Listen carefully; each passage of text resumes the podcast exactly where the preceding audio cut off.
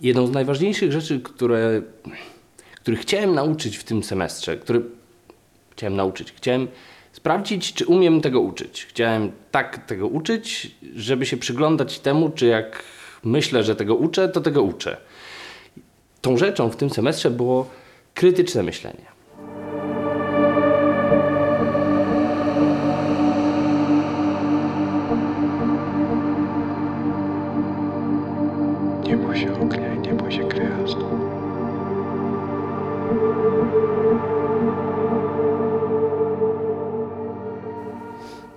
Krytyczne myślenie to takie pojęcie, które pojawia się bardzo często, zwłaszcza negatywnie. Mówi się o tym, że ktoś krytycznie nie myśli, na przykład dzisiejsza młodzież, albo mm, osoby starsze, albo osoby u władzy, albo ktokolwiek. Brakuje mu umiejętności krytycznego myślenia. Problem jest taki, że krytyczne myślenie jest trudne w nauczaniu, dlatego że nie można założyć, jaki będzie wynik krytycznego myślenia. Trzeba przyjrzeć się temu, co w procesie jest faktycznie poddawaniem czegoś krytyce. Żeby coś krytykować, no to trzeba coś wiedzieć. I poza tym trzeba wiedzieć, jak krytykować. Trzeba mieć pewnego rodzaju narzędzia. To trochę tak jak zegarmistrz rozkładający zegarek. Wie, co jest w środku, wie, jak to powinno wyglądać, ale dopóki nie rozłoży tego, no to tak naprawdę nie wiadomo, jak to faktycznie działa i co ewentualnie w tym wszystkim nie działa. Więc problem uczenia krytycznego myślenia jest dla mnie bardzo istotny, dlatego że mm, wszystko zaczyna się od takiej myśli, którą miałem na początku uczenia, że nie powinienem dzielić się z osobami, które uczę, swoimi opiniami. To doprowadziło do takiego momentu, gdzie w którymś momencie jedna z klas e, wrzuciła mi takie wyzwanie i powiedziała: No, jakie pan ma właściwie poglądy? Co pan właściwie sądzi o świecie? Bo z tych się pan śmieje i z tych się pan śmieje. Tych pan krytykuje i tych pan krytykuje. Nie wiadomo, gdzie pan stoi. To dość istotne, bo to znaczy, że moja wstrzemięźliwość w dzieleniu się moimi poglądami spowodowała pewnego rodzaju pustkę, którą trzeba było wypełnić. Trzeba było się czegoś o tym kimś dowiedzieć, no bo jakoś tam nawiązałem relacje. Prawdopodobnie byłem dla nich kimś ciekawym, e, albo przynajmniej w tym aspekcie byli ciekawi. I zacząłem się zastanawiać, dlaczego tak jest, że oni chcą to wiedzieć. Pomyślałem sobie dawno temu, y, pisząc bloga, czytałem innych, którzy piszą o tym, jak pisać blogi, i tam bardzo często pojawiała się taka e, myśl, że no, żeby ludzie byli zainteresowani, to trzeba mieć poglądy, bo jak ktoś nie ma poglądów, jest taki przezroczysty, to ludzie go nie czytają. Jak ludzie chcą przezroczystych rzeczy, to sobie czytają raporty z badań albo o zgrozę oglądają telewizję. E, Zacząłem się zastanawiać, skąd ta pustka. I dopiero w końcówce tego semestru doszedłem do wniosku, że ta pustka nie wynika z tego, że ja czegoś nie mówię, tylko ja nie powoduję pewnego rodzaju myślenia po drugiej stronie. Bo mm, no po co pytać człowieka z brodą, zwykle w marynarce, po tej stronie stojącego, gdzie tablica, e, jakie ma poglądy? Prawdopodobnie, żeby w jakiś sposób odnieść je do swoich, albo nawet przyjąć poglądy tego kogoś w miejsce braku swoich. No i tam, gdzie jest brak poglądów, brak e, krytyki, mm, brak pewnego rodzaju umiejętności, albo nawet pewnego rodzaju takiej odwagi, y, która u mnie też y, wzrastała przez wiele lat i ja jestem głęboko przekonany, że ona jeszcze nie jest gotowa. Tej odwagi do tego, żeby krytykować, żeby, żeby traktować swoje zdanie jak równoważne ze zdaniami osób, które popularnie i często się wypowiadają. W związku z tym albo brak odwagi, albo brak wiedzy, albo brak umiejętności powoduje, że osoby, które e, spotykam na mojej drodze uczenia, e, nie mają sprecyzowanego swojego poglądu i raczej przyjmują te, które dobrze brzmią. Nie wytwarzają sobie swoich. E, I to powoduje, że nie muszą krytycznie myśleć, no bo przyjmują coś, co już istnieje, nie muszą samemu przechodzić tej drogi, wolą przeczytać o drodze kogoś. A jak pan doszedł do tego, że te 12 zasad dla życia, albo że y, w ten sposób trzeba pisać o y, zaburzeniach psychicznych, depresji itd. Zatem nie przechodząc własnej drogi, obserwując drogi innych, przyjmujemy i dość stabilnie budujemy sobie swoją postawę, światopogląd, obraz świata itd. Natomiast to, co dla mnie jest y, zaskakujące, to to, że y, kiedy zaczynam y, prowokować do dyskusji, to bardzo często pojawiają się w tej dyskusji głosy, które mm, są właśnie echem czyichś poglądów. I czasem się zdarza tak, że w y, dziedzinach, w których y, rozpoczynam od kontrowersji, jestem na tyle mm, osłuchany, że wiem, czyjego głosu echo słyszę. Co jest y, świetną okazją do tego, żeby to ujawnić i okazać się, pokazać się jako człowiek elokwentny. Natomiast to też źródło bardzo ważnej pokusy. To jest pokusa, która mówi: yy, No powiedz im, co myślisz. Powiedz im, jak jest naprawdę. No przecież ty wiesz. A kto im powie? Jak ty im nie powiesz, to pewnie im powie ktoś inny, kto wie y, absolutnie źle. I ta pokusa wynika no, z tej pustej przestrzeni. Uczenie krytycznego myślenia zakłada pewnego rodzaju postawę, która jest krytyczna i krytykuje wszystko. Krytykuje nie na zasadzie to jest złe, oczywiście, tylko przykłada do różnych rzeczy, yy, teorii, pojęć, yy, mechanizmów, różne narzędzia pomiaru. Jakie to jest? Na ile to jest rzetelne? Na ile to się powtarza w, w rzeczywistości? Na ile coś, co zobaczyliśmy w laboratorium, zdarza nam się na co dzień? Na ile coś, co e, zmierzyliśmy przy pomocy EEG, jest mierzalne również przy pomocy obserwacji? I tak dalej, i tak dalej. Przykładanie tych różnych narzędzi y, powinno dawać radość. To znaczy dawać takie poczucie, że to, co ja robię, jest dla mnie ciekawe. Jest dla mnie mm, rozwijające, ale też jest pewnego rodzaju rozgrywką, czymś na zasadzie sportu. I widzę, że kiedy osoby, które uczę, przychodzą ze swoimi pomysłami do mnie po jakimś czasie współpracy, to one już wiedzą, że nie. Niezależnie od tego, co powiedzą, no to ja prawdopodobnie będę miał coś, co im wrzucę, coś, co im e, zburzy myślenie i tak dalej. E, I bardzo często e, łączy się to z taką potrzebą, żeby wrócić do myślenia od początku. Wrócić do punktu wyjścia, wrócić do założeń, albo skupić się na jakimś elemencie, który dla osób pracujących nad jakimś projektem nie jest istotny, a z jakiegoś powodu dla mnie nagle jest kluczowy. Y, to nie polega na tym, że y, jest metoda krytycznego myślenia. Jest jedna, y, jeden sposób, że jest pięć pytań, które trzeba sobie zadać w krytycznym myśleniu. Tylko jest to pewnego rodzaju postawa. Krytyczne myślenie nie jest tylko umiejętnością myślenia.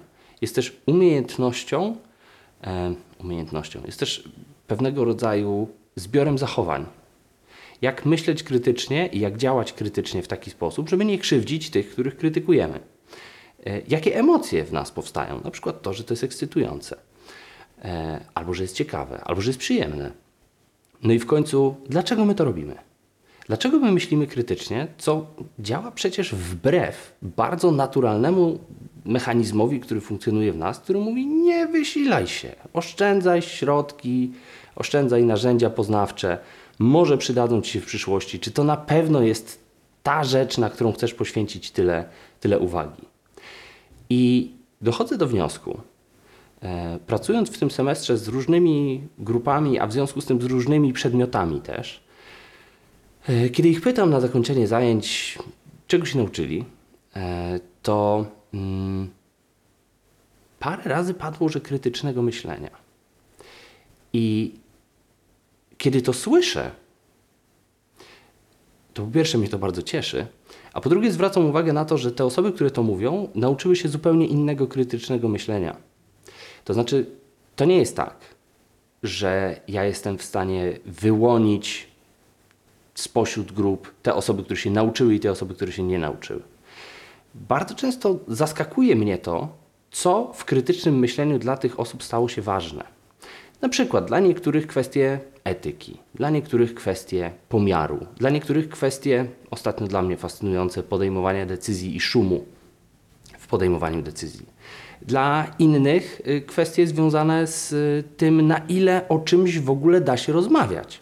Można podejmować dyskusję na temat teorii psychologicznych, na przykład, nie pod względem tego, czy ona jest metodologicznie spójna, czy, ale czy da się ją komunikować, czy da się o niej rozmawiać. Czy ktoś, kto nie skończył pięcioletnich studiów magisterskich y, z psychologii, jest w stanie w ogóle złapać, o czym my mówimy. W związku z tym może być tak, że teoria jest świetna, ale niekomunikowalna. W związku z tym idzie ad acta, jest częścią tej wielkiej chmury, która nazywa się nauka. I w końcu jedną z y, ważniejszych myśli, które e, pojawiły się przy okazji komentarzy tu na YouTubie, ale ostatnio ona się pojawiła znów e, w książce Nasima Taleba Fooled by Randomness. Tam pojawia się taka myśl e, o tym, że my bardzo często mylimy naukę i naukowców. My bardzo często uważamy, że naukowcy e, tworzą naukę. I tylko naukę. Podczas kiedy bardzo często ich działania e, prowadzą do odkryć, które zapewniają im na przykład stanowisko, na przykład przychylność, na przykład przekonanie, że dotychczasowe ich osiągnięcia miały sens. W związku z tym, czym innym jest nauka jako narzędzie do poznawania świata, a czym innym są naukowcy, którzy ten świat poznają. Czym innym jest internet jako narzędzie do porozumiewania się ze sobą, a czym innym są ludzie w internecie, którzy. Mm, no właśnie.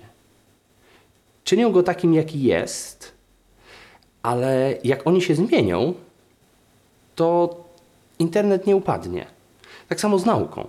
Jeżeli my w inny sposób zaczniemy badać rzeczy, jeżeli my w inny sposób zaczniemy podchodzić do problemów, to nauka dalej będzie nauką.